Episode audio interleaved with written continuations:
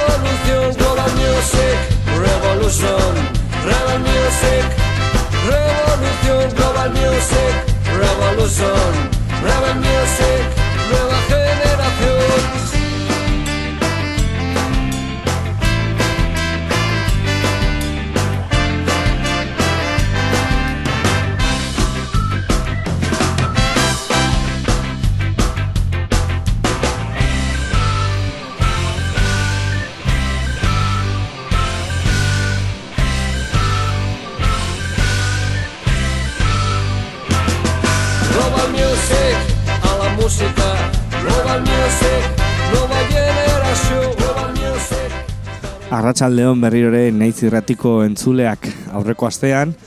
Asturiasen lortu nuen fanzine baten eh, programa berezia egin, nuen eta bueno, ba, bertan punk eta hardcore estiloko taldeak agertzen ziren eta bueno, ba, baitare hor barruan pare bat eh, talde zeuden Asturiasekoak eta gainera bueno, ba, Asturiasen Asturiaseraz egiten zutenak haien letrak, baina bueno, hasi baino lehen zen, bueno, ba, atera berri den disko batekin, askotan entzun ditugu talde hau, ba, bueno, bai estatu espainoleko musika entzun dugunean, rock inguruko musika entzun dugunean, baitare, haiek bere musika berriak kaleratu egin dutenean, Eta, bueno, ba, haiek e, Los Cigarros taldea dira, horietaz hitz egiten ari gara, haiek e, bost disko garatu egin dituzte, eta, bueno, ba, lehenengoa Los Cigarros deitzen zena 2008an, A Todo Que Sí 2006an, 2008an Apaga la radio, gero bai, bueno, que demonios hago yo aquí, zuzeneko bat eh, grabatu zuten Price eh, antz, antzer, eh, antzerki, barkatu, eh, Price eh, aretoan, eta azkena, ba, bueno, duela gutxi atera egin dute, bai, kaleratu zituztera bi aurrerapen, Baina, bueno, egia da, nahiko estilo aldaketa sakona egin dutela, orain arte nik ustut, ia disko gehienako behintzat atodok ezitik 2006tik eh, Carlos Raiak eh, gitarra jolea, fitorekin jotzen duenak, produzitu egin dituela haien diskoak, baina honekontan 2008an leibak egin die produkzio eta nik uste dut eh, agerikoa dela ba, bueno, haien estiloan eta, bueno, ba, gehien bat eh, nola laizaitu dira haien abestiko erritmoetan, erritmo horiek eh, poperoak dira, niri asko gustatu zait, egia delako estilo hori, ez? E, nahiko, bueno, e, lasaia eta erraza gustatzen zaidalako, baina egia da, bueno, ba, nire lagunen artean baita ere asko maitu dutela los cigarros taldea, ezaie asko gustatu eta, bueno, sarreak erosi behar genituen eta nain zalantzetan gaude. Baina, bueno, egia nirik haiek egindako proposamena asko gustatu zaidala, baina, bueno, badirudi, ba, pomperoak bihurtu direla, edo, bueno, edo behintzat leibaren produzioa oso agerikoa dela, bueno, ba ikusita niri gehien gustatzen zaizkin diskoak ez, a todo que sin ikustut e, borobilena dena, 2016ko eta 2019ko apagala radio baita ere, oso kaineroak direnak eta bueno, ba, zuzenean e, bultzada bat eta ukabilkada bat emati dizutela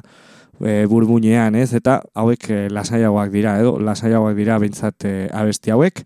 Beraz goazen entzutera, bai asteko eta bai bukatzeko denbora ematen gadigu, badigu, diskorren barruan arkitzen den abestioetako bat, beraz, bueno, ba goazen akantilados disko barruan sartzera, eta entzugun abestia, esan bezala los cigarros taldekoa, Valentziatik, eta entzugun abestia, 100.000 bolas de cristal.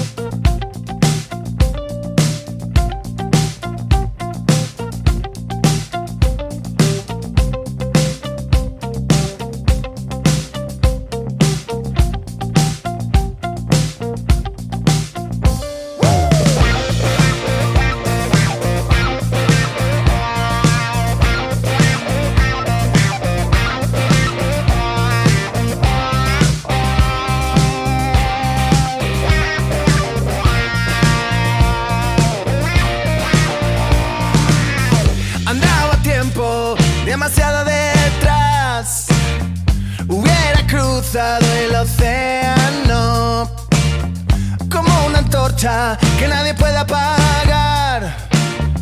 Te voy a dar mi fuego eterno. Me gusta haber cruzado el umbral. No hay nada que lo pueda parar. Brillan en mi pecho cien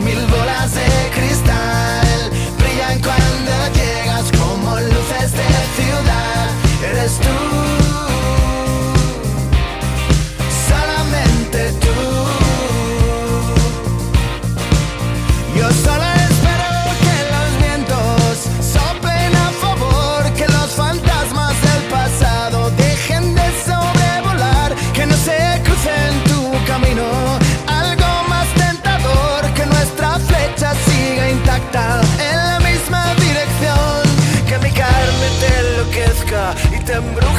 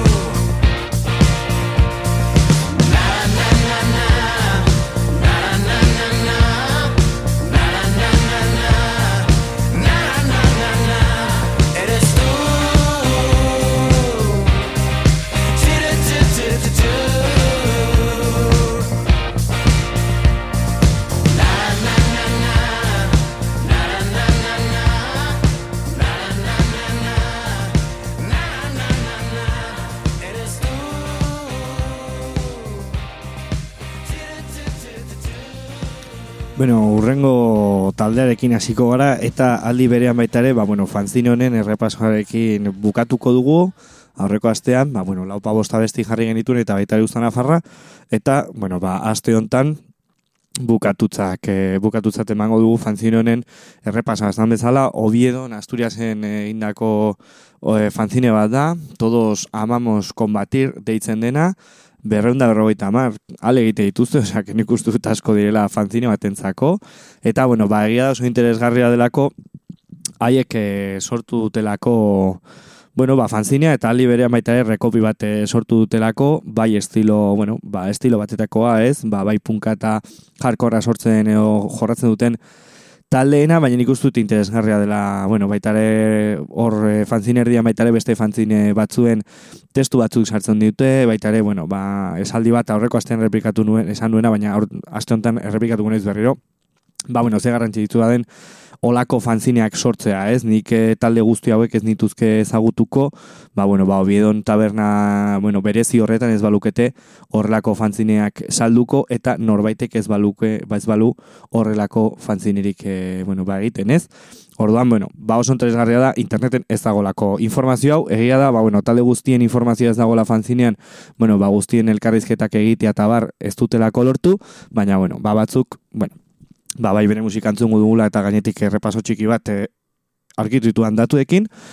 baina, bueno, besteekin, ba, pixkat gehiago sakonduko dugu, eta, bueno, ba, lehenengoarekin hasiko naiz, egia da oso berezia dela, mm, askotan, bueno, ba, rekopi batetan, ez, bai parte hartutako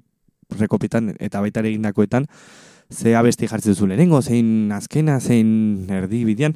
bueno, ba, hauek eh, hartu dutena da talde bakoitzaren izena, eta, bueno, ba, ordena jarri dute e, abezedarioan bezala, ez? Atik zetara eta punto. Eta ez, ez dira beste komplikatu, baina bueno, bai gauza berezi edo berezitasun onen ondoren guazen astera, lehenengo taldearekin, delitos menores, gainera euskaldunak direna, gazteizarrak, haiek, bueno, boskote bezala hasi ziren 2018an, naiz eta gaur egun laukote bat e, izan, Javi gitarran, Oskar baterian, Pina gitarran eta ahotsetan eta Iñaki basuan eta ahotsetan. Ba, bueno, ba, amar urteko ibilbidearen ondoren geldiune bat egin zuten, momentu hortar arte ba, iru disko kaleratu inzituzen, sospechos habitual, desobediencia i eta, bueno, autodestrukzion, hauek dira haien azken diskoak, baina, bueno, 2000 eta hogeian, berriro ere hasi egin ziren e, talde bezala elkartzen eta epe bat e, kaleratu inzuten uda hontan eta bueno, ba, epe horre marruan, ba, debidez, ba, alabez futbol taldeari egindako, ba, bueno, abesti omenaldi bat dago, eta, bueno, ba, da baita ere kolaborazio bereziak izan dituztela, guaiko gitarra jolearena, kaotiko eta puraposeko gitarra jole oso famatu hemen Euskal Herrian, e, bueno, gazteizar, bueno, arabatarra baita ere aguraingoa, eta, bueno, ba, hau izan da pixka bat e, haien deskiroapena, beraz, guazen astera, fanzine honekin eta bueno, lehenengo taldearekin, esan bezala gazteizarrak, delitos menores eta entzugun abestia Kalasnikov.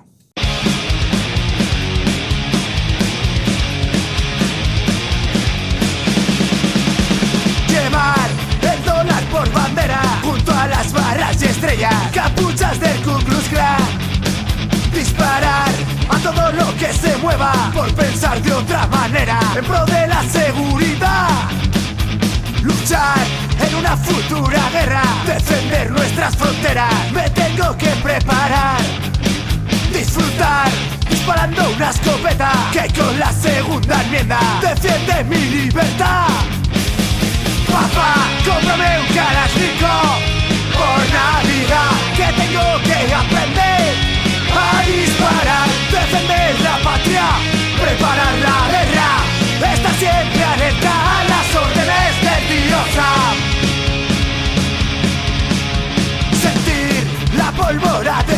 el odio corre por mis venas, estoy jugando a asesinar. Vaciar el cargador con violencia, un pitido en mi cabeza, ya comienza el ritual. Papá, cómprame un Kalashnikov por Navidad Que tengo que aprender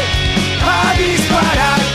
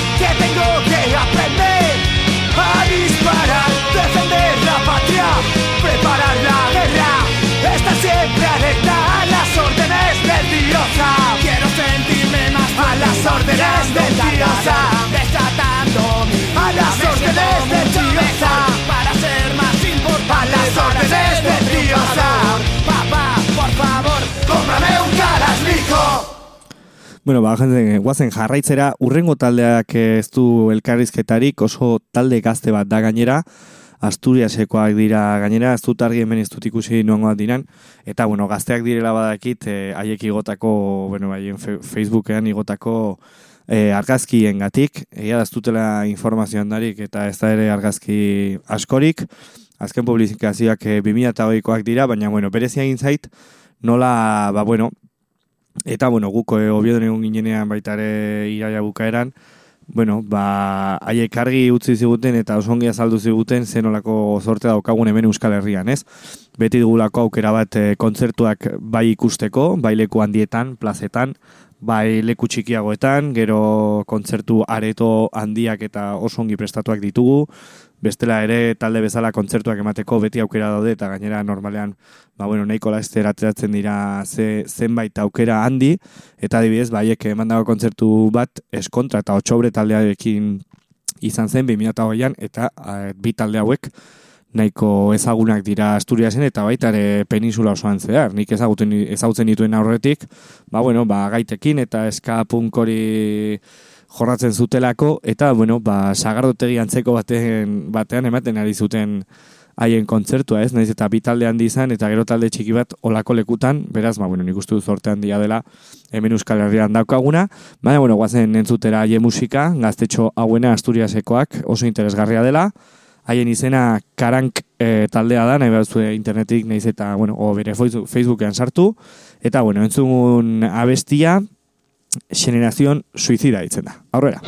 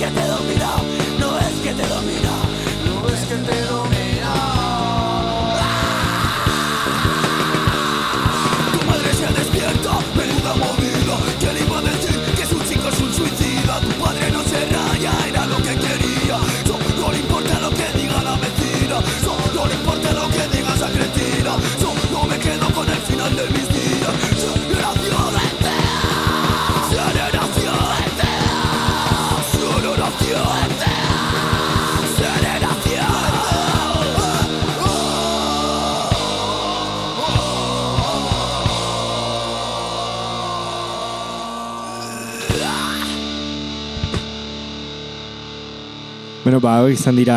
Karank e, taldea, Asturiasetik oso gaztetxoak, esan bezala ez da informazio handirik, baina, bueno, bai Facebookean kontaktua jartzeko edo zein gauzetarako hor dute, hor duzu informazioa. Eta, bueno, ba, guazen jarraitzera, urrengo taldearekin, NTP deitzen da. Egia da, bueno, nik e, irakurri baino nahi elkarrizketa saiatu initzela, o saiatu inaitzela, ba, ze zer imaginatzen zer esan nahi zuen e, sigla hoiek, eta, bueno, ba, ez du esan nahi handirik, no tenemos prisa da, bueno, haien e, horren esan nahia,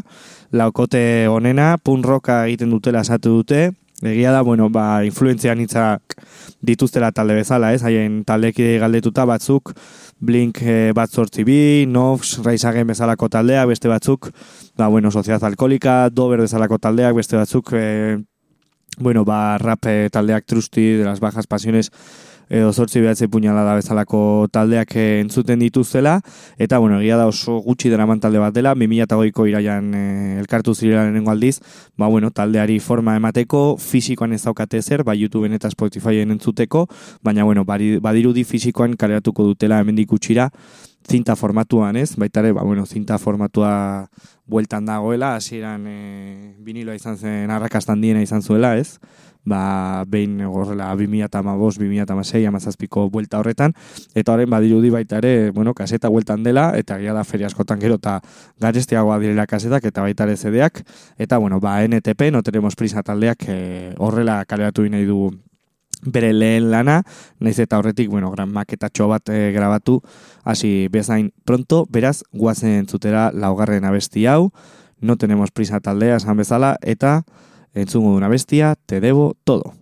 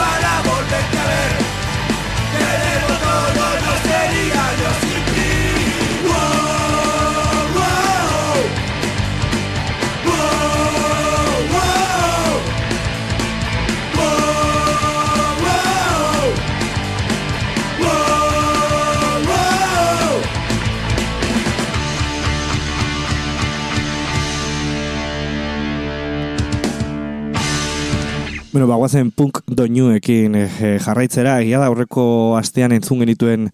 taldeak e, jarkoretagoak zirela, ez, edo bintzatuko gorrakoak zirela, eta, bueno, ba, orain arte entzun ditugun abestiak, niri rekopionen barruan dauden abestien artean gehien gustatu zaizkidanak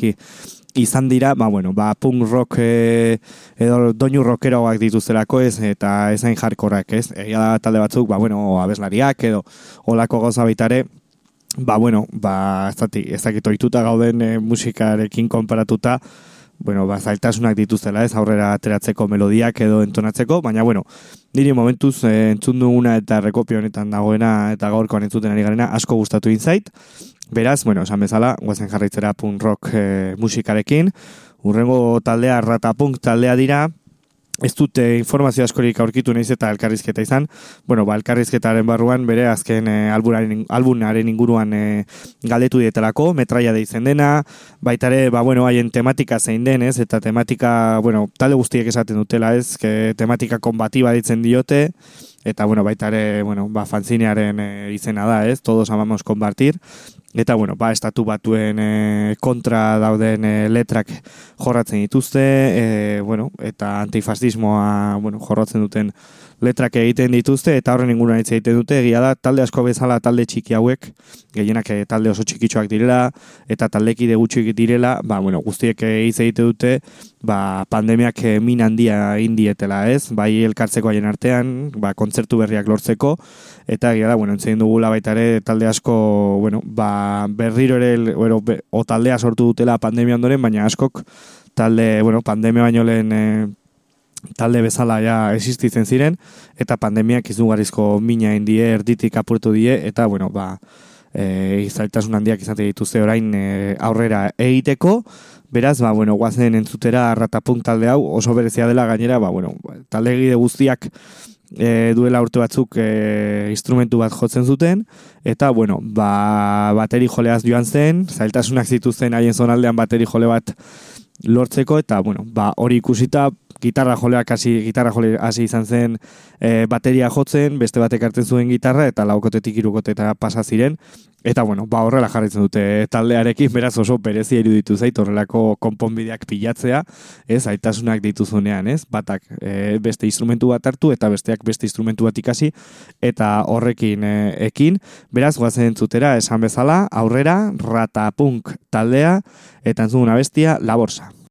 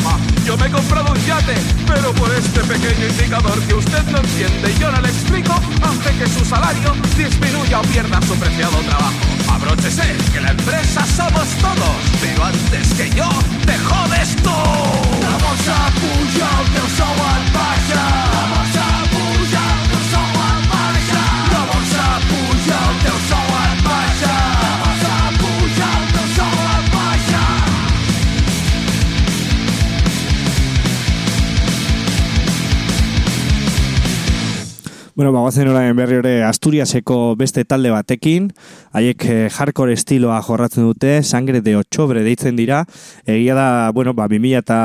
amabigarren urtean, eh, bueno, ba, sortu zen talde batetik datoztela haien taldekideak, ira deitzen zen talde hori eta maketatxo bat grabatu zuten, baina, bueno, berriro elkartu, eta, bueno, ba, sangre de otxobre sortu inzuten eta 2008an haien lehenengo disko eta disko bakarra kaleratu inzuten, brenga iutxa ditzen dena, eta gara bueno, ba, gaur egun irakurri duenagatik beste disko batetan, edo disko, beste disko bat e, grabatzen, ego behintzat sortzen ari dutela, eta, bueno, berezin iruditu zait, bai e, lehen komentatu dudalako txobre taldea, e, Asturiasekoa hauek sangre do txobre ditzen dira eta bueno, bai kuriositatean gatiko txobre, bueno, zeo ze zen edo Asturiasen Asturiasen e, hizkuntzan ze esan nahi zaukan eta txobre e, urria da e, Asturiasen eta bueno, baitze egiten du pizkat 1930 e, langile mugimenduan egon zen greba orokorretan gertatu zenarekin eta bueno, Asturiaseko jendearentzako oso berezia da ba, data hori, eta horregatik, ba, bueno, ba, talde askok eta talde bueno, antifastistak eta horrelako letak dituzenak, haien bailetetan eo bestela izenetan, beti sartzen dute, eta bueno, horrelakoa da urrengo taldearen kasua, eta bueno, bagoatzen entzutera haien hardcore musika hau, eta esan bezala, sangre de otxobre, eta entzungu duguna bestia, barkatu, e, fatxa del nura deitzen da, beraz, esan bezala, aurrera Asturiaseko hardcore talde hau. Burriko.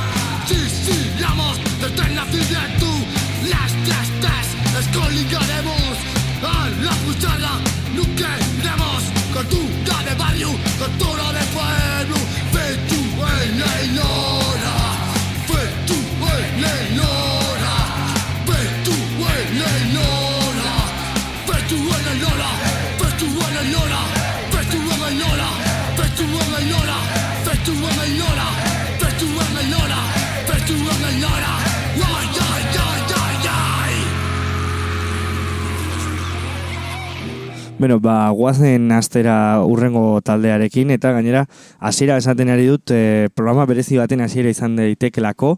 ba, urrengo taldea kantabriakoa dela, eta nik ustut ez du dara realdeontako ba, programa berezirik egin, egia da, bueno, denok ezagutzen ditugun e, abeslariak e, daudela, ez, bustamante bezala, baina gero undergroundeko estena hori txiki hori ez dugu ezagutzen, edo nik behintzat ez dut ezagutzen, eta, bueno, ba, horretak, estena horretako lehenengo taldea daukagu nirentzat, zaborra taldea deitzen da,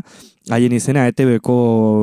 ba, Euskal Telebistako dokumental batetik ka- ateraz duten, beraz berezia kantabratik ba, ETB-ko Euskal Telebistako dokumental batetik euskerazeko ba, izena hartzea, 2018an hasi egin ziren, irukote bezala, Wifi Fabio eta Miguel, eta handik gutxira, ba, Berton, haien lagun bate batu zitzaien, ba, hotxetan laguntzeko, e, beste talde asko bezala, 2008an eta pandemiak e, min handia egin zien, baina, bueno, duela urte bat ekaratu zuten bere lehen lana, viejos y enfadados deitzen dena, Beraz, bueno, oso talde interesgarria da, bueno, hainbat gauzen baina, bueno, badirudi aurrera dijoaztela, naiz eta pandemia erdibiti, erdibiditek, erdibidetik jaso barkatu, Beraz, ba, bueno, denbora askori galdu gabe, guazen entzutera urrengo abestia, esan bezala, oso berezia, kantabriatik, euskeraz haien izena, zaborra, eta, bueno, entzugun abestia, mentes vacías.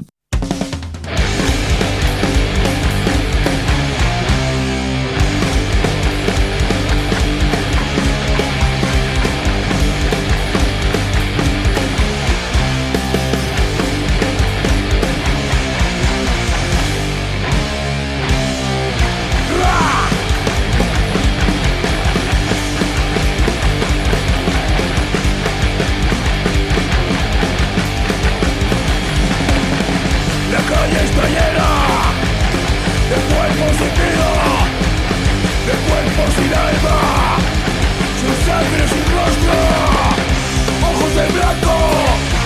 mentes vacías, ojos de blanco, mentes vacías, condenados al fracaso, derrotados, la rutina les mantiene ocupadas. El mundo gira, no para y lo hace deprisa.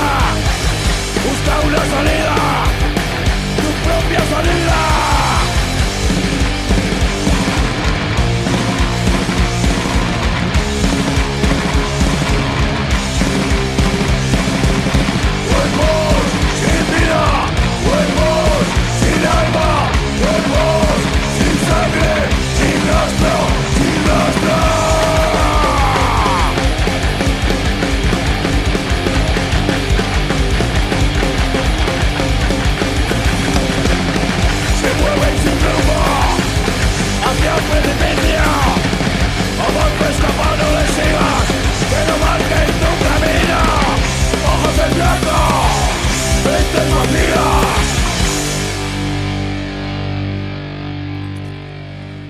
Bueno, penintsulako iparraldean jarraituko dugu, urrengo taldean ikuste dut, eh, rekopi barruan dagoen talde guztietatik profesionalena edo behintzat, bueno, bai izaeraz edo haien bideoklipak, haien argazkiak eh, profesionalenak dirudite, haiek ultimo rekurso taldea dira eta Bartzelonan eh, sortutako taldea dira, Sanboit eh, auzoan, Barcelonako hegoaldean, eta, bueno,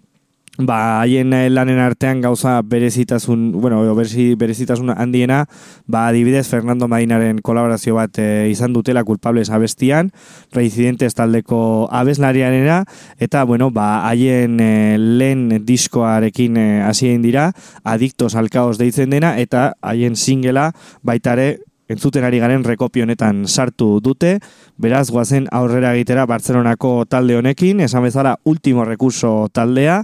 eta entzugun abestia Adictos al Caos.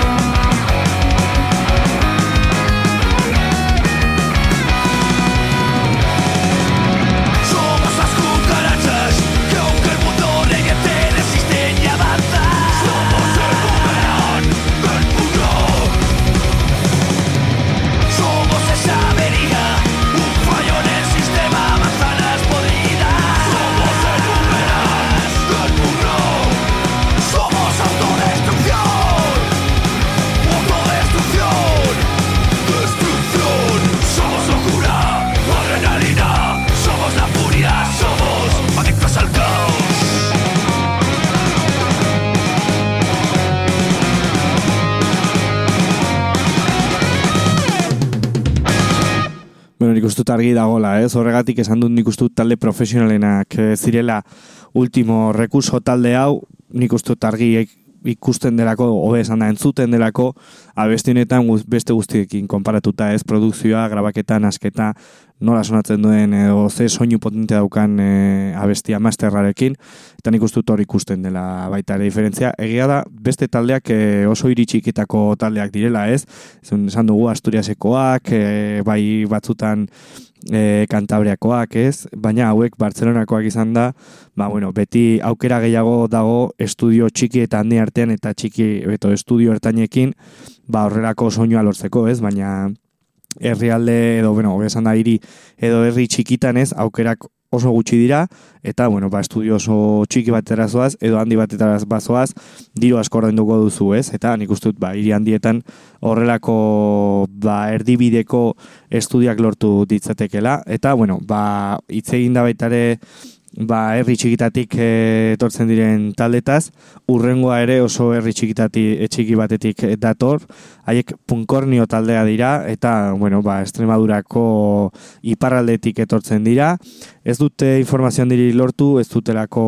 elkarrizketarik eta interneten ez da ere ez dago informazio handirik, barkarrik haien musika, baina, bueno, ba, entzungo dugu laukote honen e, abestia, haiek aukeratutakoa, ba, rekopionetan sartzeko, esan bezala, punkornio taldea, Estremaduratik, eta entzungun abestia, kambia, ja!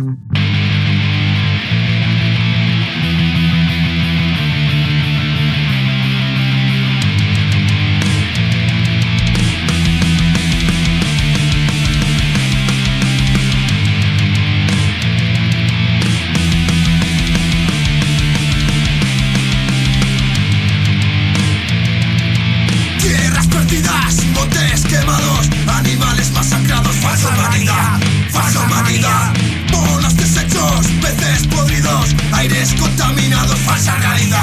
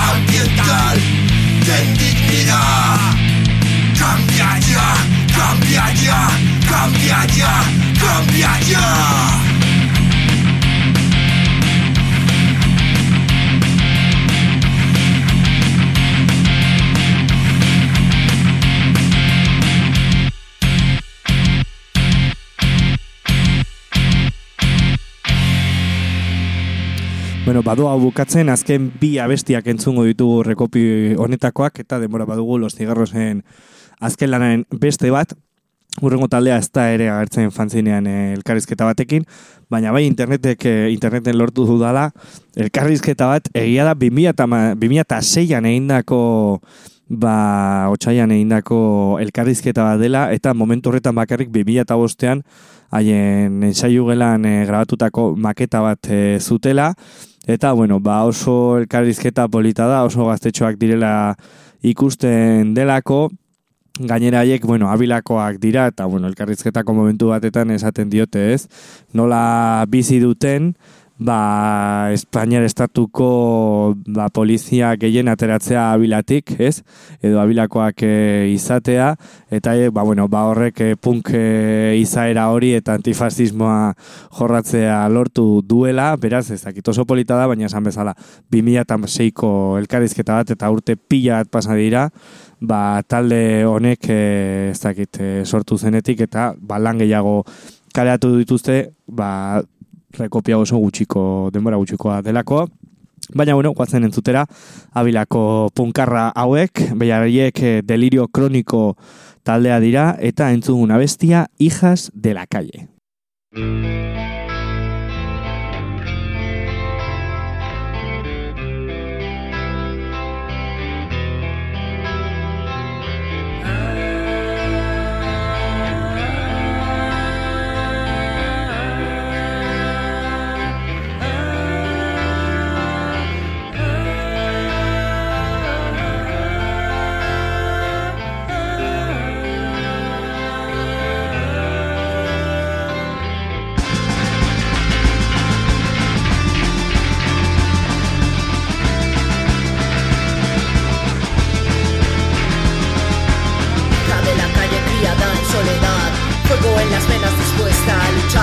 Siempre antifascista contra toda autoridad, siempre combativa atacando a capital. Hija de la calle criada en soledad, fuego en las venas dispuesta a luchar, siempre antifascista contra toda autoridad, siempre combativa atacando a capital. Mis pasos vuelan más